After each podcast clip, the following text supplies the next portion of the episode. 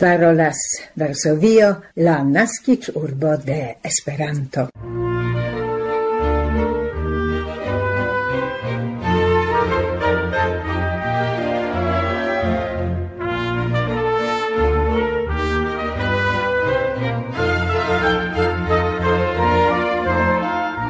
Bonvenon, carei auscultantoi, en la 1200 tridekdua Esperanto elsendo el Varsovio, por kiu invitas vin Pola Retradio kaj hodiaŭ tute aparte en ĝia nomo Barbara Pietrzak, Milada Szwedo kaj Maciej Jaskot.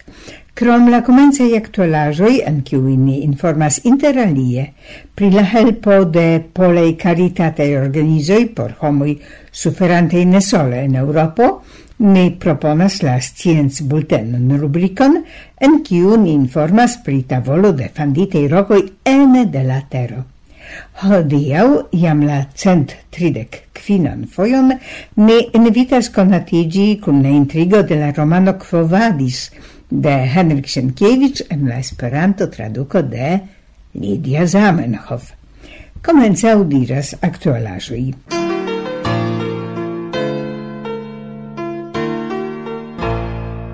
En la nunjara januaro la trafiko ĉe la Varsovia flughaveno atingis la 95% nivelon kompare kun la recorda jaro 2019. Simile estis cun transitai passageroi.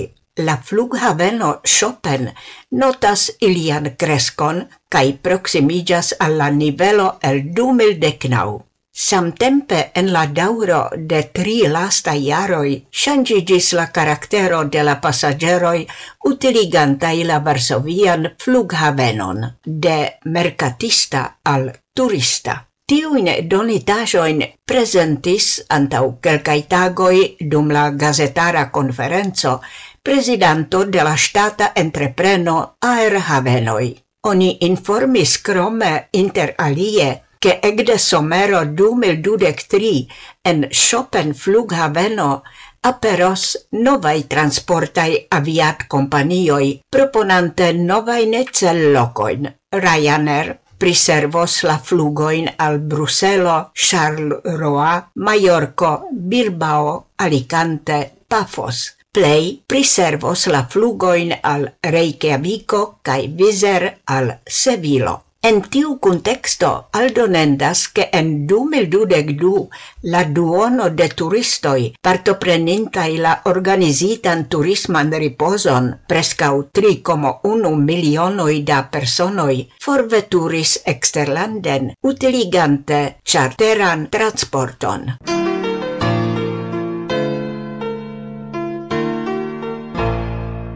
Caritas Polska collectis sume dec unu milionoin da zlotoi por la victimoi de la tragica tertremo kiu la 6 de februaro trafis Turkion kaj Sirion. La elementa plago konsumis kvindek kvin mil mortintojn kaj cent dudek naŭ mil personoj estis vunditaj. Laŭ pritaksoj la sekvojn de la tertremo suferis pli ol dudek milionoj da personoj. En Sirio mem preskaŭ unu miliono da viktimoj perdis siajn hejmojn la collectitai dec unu milionoi da zlotoi por Sirio cae Turquio estas destinitai por la surloca helpo en cunlaboro cun la partnerai organizajoi de la reto Caritas.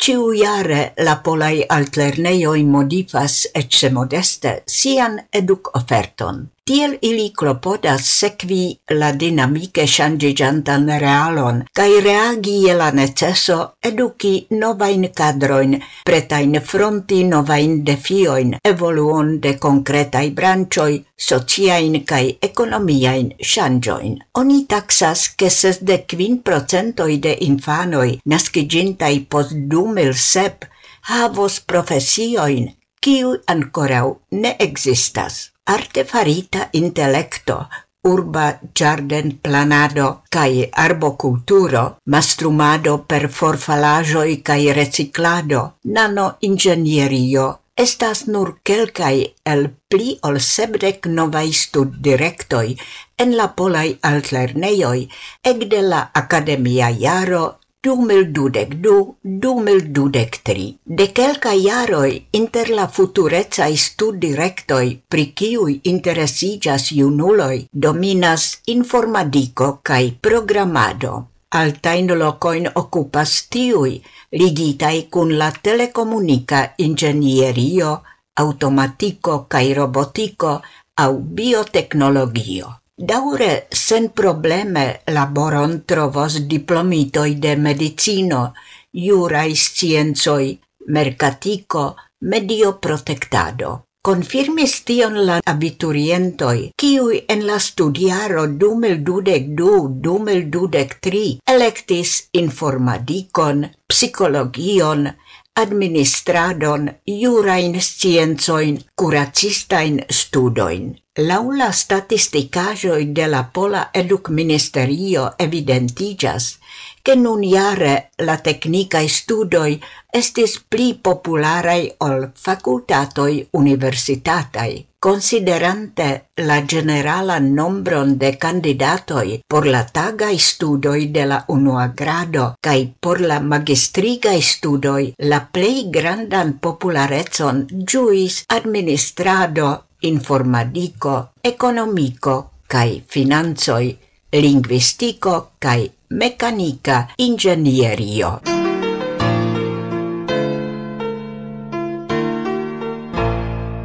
Parolas Varsovio, la nascit urbo de Esperanto.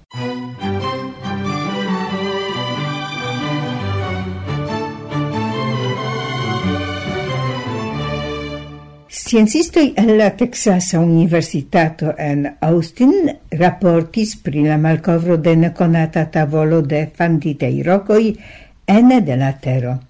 Gi existo povus clarigi multein problemoin ligitein cun la tectonico de terplatoi. Iam pli frue en simila profundo esis identigitei fanditei rocoi, sed nur nun la unuan foion eblis elmontri, che temas pri tavolo en la scalo de la tuta terglobo. Ĉi tiu tavolo, troviĝanta u cent quindec kilometroin sub la terkrusto, estas parto de la astenosfero.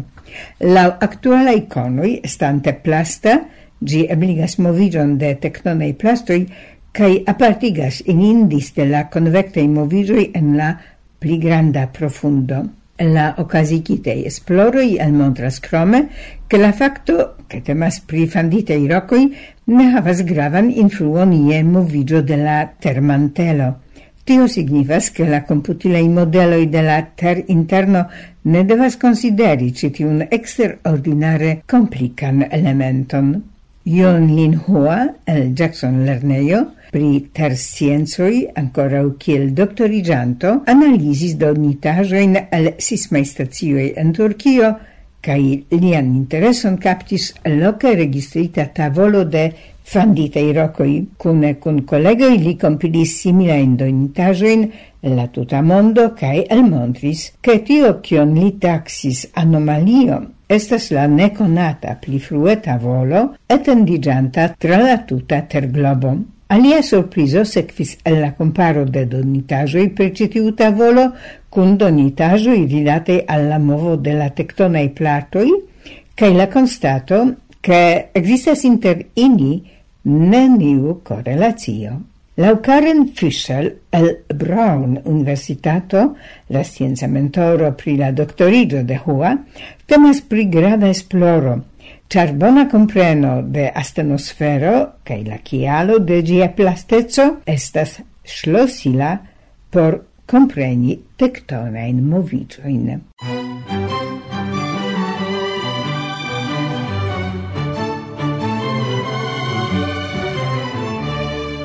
Pola Retradio daurigas la Esperanto-elsendon.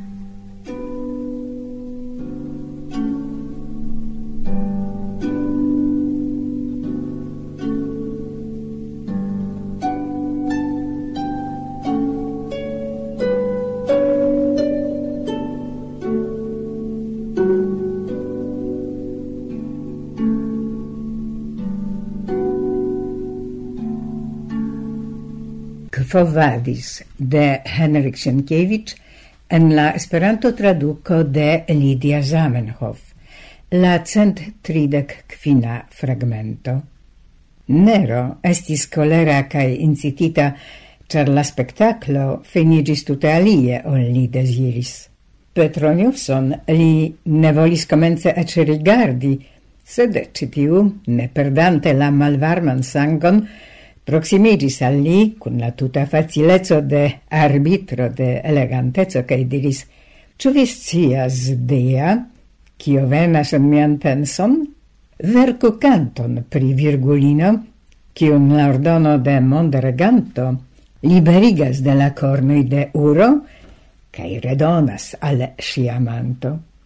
La greco havas sentimentojn coroin, cae mi estas certa, che ravos ilin tia Al nero, malgrau lia tuta incito, ec placis citiu ideo, cae gi ec placis al li duoble.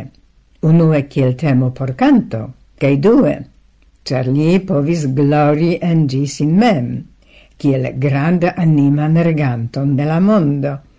Li do rigardis momente Petroniuson, poste diris, Yes, Eble vi estas prava, sed ciudecas al mi canti la propran bonecon? Vi ne besonas vin nomi.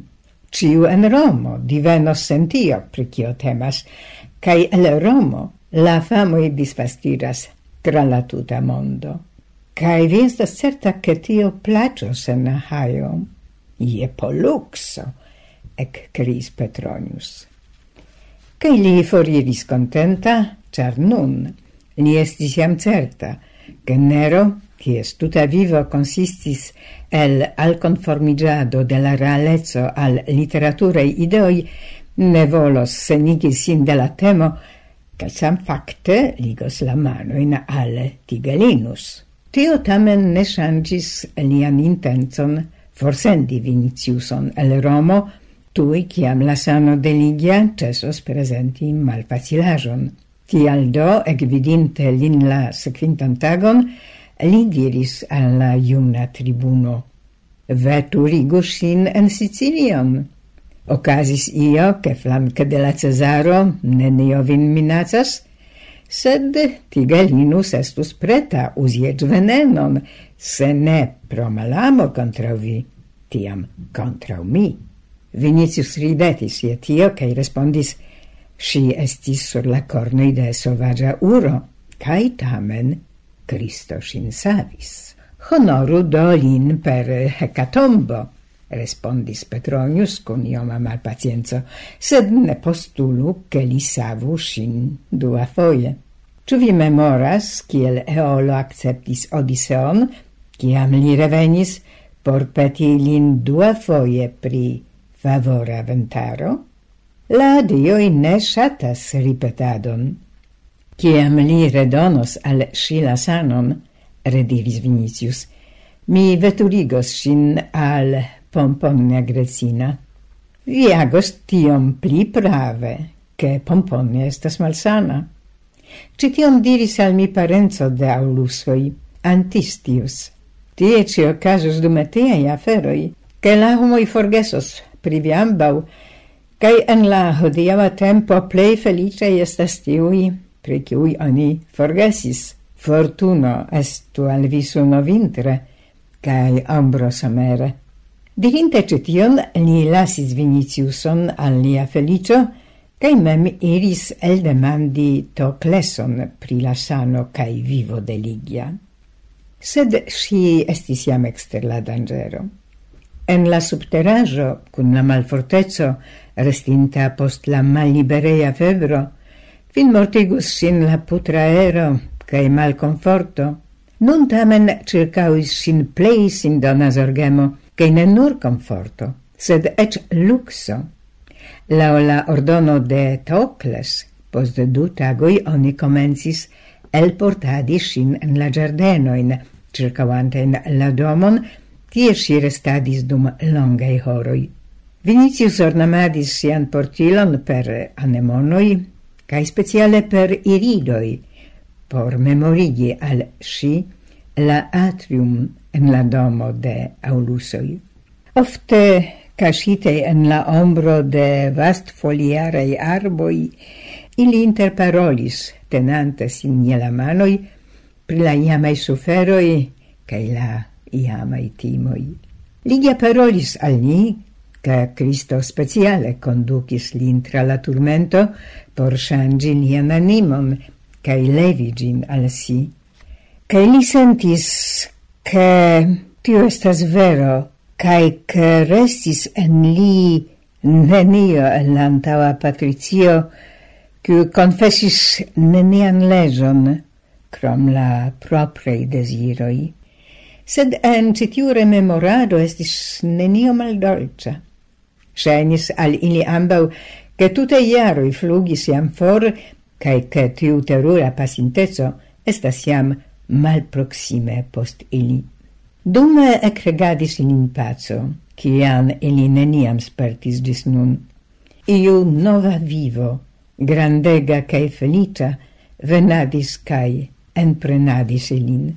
En Romo povis furiosi la Cesaro cae plenigi la mondon per teruro, sed ili, sentante super si gardon cent foie pli potencan, timis plu nec lian cruelecon, nec liain frenesajoin, tute quasau li cesus esti la signoro de ilia viva u morto.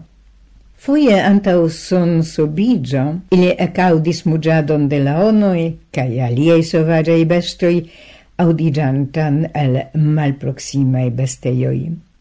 Iam tivi sonoi teruris Viniciuson, kiel malbon auguro. Nun ili rigardis nur ridetante unu la alian, e poste ambau levis la oculoin an la vespera ciel rugio.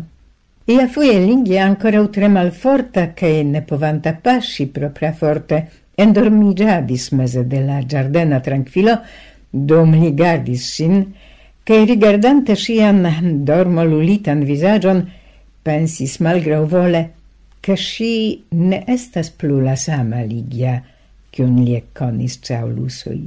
Efektive, la malliberejo cae la malsano estingis parte sian belecon. En la tempo ciam li vidadis sin ĉe aŭ lusoj poste Ciam li venis por forcapti sin el la domo de Miriam, si estis belega cune ciel statuo cae floro. Nun sia visaggio igis presco diafana, la bracoi malgrasigis, la corpo maldicigis pro la malsano, la buso paligis, cae ec la oculoi scenis mal pli bluei ol antaue. La orhara unice, kiu alportadis al si floroin, cae multe costein texajoin por covri siein piedoin, aspectis apude si ciel la cipra diino. La esteticulo Petronus vane penis retrovi en si la iamain charmuin, che movante la scioltroin li pensis en la animo che citiu ombro en la Elisei campoi ne valoris tiuin clopodoin, tiuin doloroin cae suferoin, kiui prescau elsucis la vivon el Vinicius. Sed Vinicius, qui amis nun sian animon, amis sin nur tiom pli. Cae ciam li gardis la dormantinon, shainis al li, che li gardas la tutan mondon. La novajo pri la miracla savo de ligia rapide disfastigis inter la cristanei restuloi, kiui gis nun evitis la pereon en la persecutado. La confessantoi comencis convenadi por vidi tiun al kiu clare manifestigis la favoro de Cristo. Venis do unue la iuna Nazarius cun Miriam, ce ciui rifugis dis nun Petro la apostolo, cae post ili venis aliei. Ciui ini, cune cun Vinicius, Ligia, cae la cristanei sclavoi de Petronius, auscultis strecite la raccontadon de Ursus pri la vocio, quiu exonis en lia animo, cae ordonis al li batali contra la sovagia besto, cae ciui foriradis cun nova curagio cae espero, che Cristo ne permesso stamen extermi sur la tero la reston de siei confessantui anto ol mem venos fari la teruran juĝon. Cai ĉi tiu espero subtenadis iliajn coroin, ĉar la persecutado ne cesis dis nune.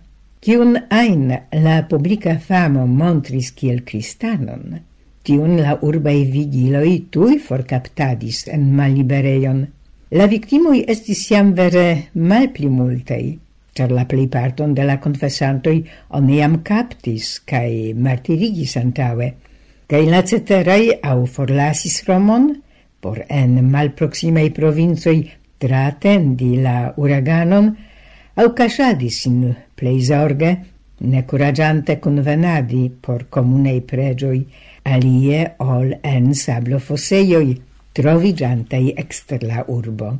Tamen oni persecutis ilin ancorau, Kai malgrau che la ĝustaj cirkludoj estis jam finitei, oni inintenadis por la sekvantaj aŭ juĝis tuje. Kvankam la romia popolo ne credis plu che la cristanoi estis la causintoi de la urbo brulo, tamen oni declaris ilin malamicoi de la homaro cae de la stato, cae la edicto contra ili daure validis. Petro la apostolo longe ne curagis montrigi in la domo de Petronius, fine tamen unu vesperon Nazarius annoncis lian alvenon. Ligia, ciu povis iam iri propra forte, cae Vinicius el iris al li renconte, cae comencis cegopreni liain piedoin. Li salutis ilin cun cortusho tiom pli granda, che ne multe restis iam el tiui shafoi, kies regadon Cristo al li confidis, cae pro cies sorto ploris nun lia granda coro. Tial ciam Venitius diris al li, Signoro, dank al via propeto la savinto sin redonis al mi, li respondis, li sin redonis al vi pro via fido. Cae tial, porca nec silentu ciui busoi, ciui confessis lian nomon, che videble li pensis tiam pri tiui miloi da sie infanoi disceritei de sovagei bestoi, pri tiui cruzoi per cui ogni plen stopis la renoin, cae pri tiui faerei palissoi en la giardenoi de la monstro, cer li parolis citiun cun grandega doloro. Vinicius cae Lingia rimarcis ancao che niei haroi tute blanchigis, La tuta figuro clinigis, cae en la visaggio li havis tiom da malgioio cae doloro, quasi li mem suferus in tormento in cae torturo in cio in suferis la victimoi de la furioso cae freneso de Nero. Sed ili ambau comprenis iam che se Cristo mem subidis al la turmento cae morto, neniu povas tion eviti. Tamen iliei coroi sangis si la vido de la apostolo premita sub la peso de l'agio, penado cae doloro. Seque Vinicius, quiu post kelkaj tagoi intensis veturigi Ligian en Neapolon, in ili celis renkonti Pomponiam Grecinan cae iri pluen en Sicilion, comensis lin petegi, ke li forlassu cune kun ili Romon. Se la apostolo metis la manon sur lian capon cae respondis, Ien, mi audas en la nimo la vortoin de la signoro, cio apud la Tiberia da lago, diris al mi, ciam vi estis pli iuna, visonadis vin cae iradis tien cien vi volis, sed ciam vi maliunidos, vi etendos viain manoin, cae iu alia zonos vin, cae conducos tien kien vi ne volas. Prave do estas, che mi sekvu mian safaron. Kaj kiam ili eksilentis, ne comprenante kion li diras, li aldonis, mia penado venas alla fino, sed la gastigon kaj riposon mi trovos nur en la domo de la signoro. Poste li turnigis al ini dirante, memoru pri mi, char mi vinamis, amis, kiel patro amas siajn infanoin. Kaj kion ajn vi faros en via vivo, faru gin je la gloro de la Signoro.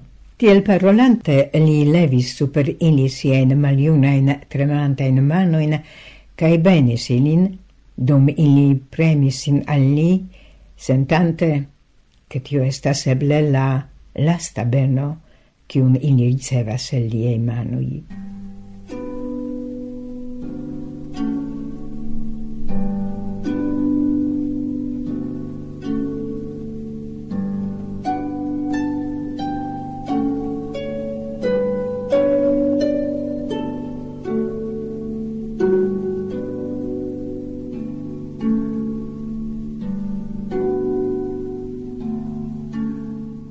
La cent tridec quina fragmento de la romano Quo Vadis de Henrik Sienkiewicz en la Esperanto traduko de Lidia Zamenhof finas nien hodiaŭan Esperanto elsendon. Dankon pro la komune pasigita tempo kaj ĝis la baldaŭa raŭdo, gesinjoroj.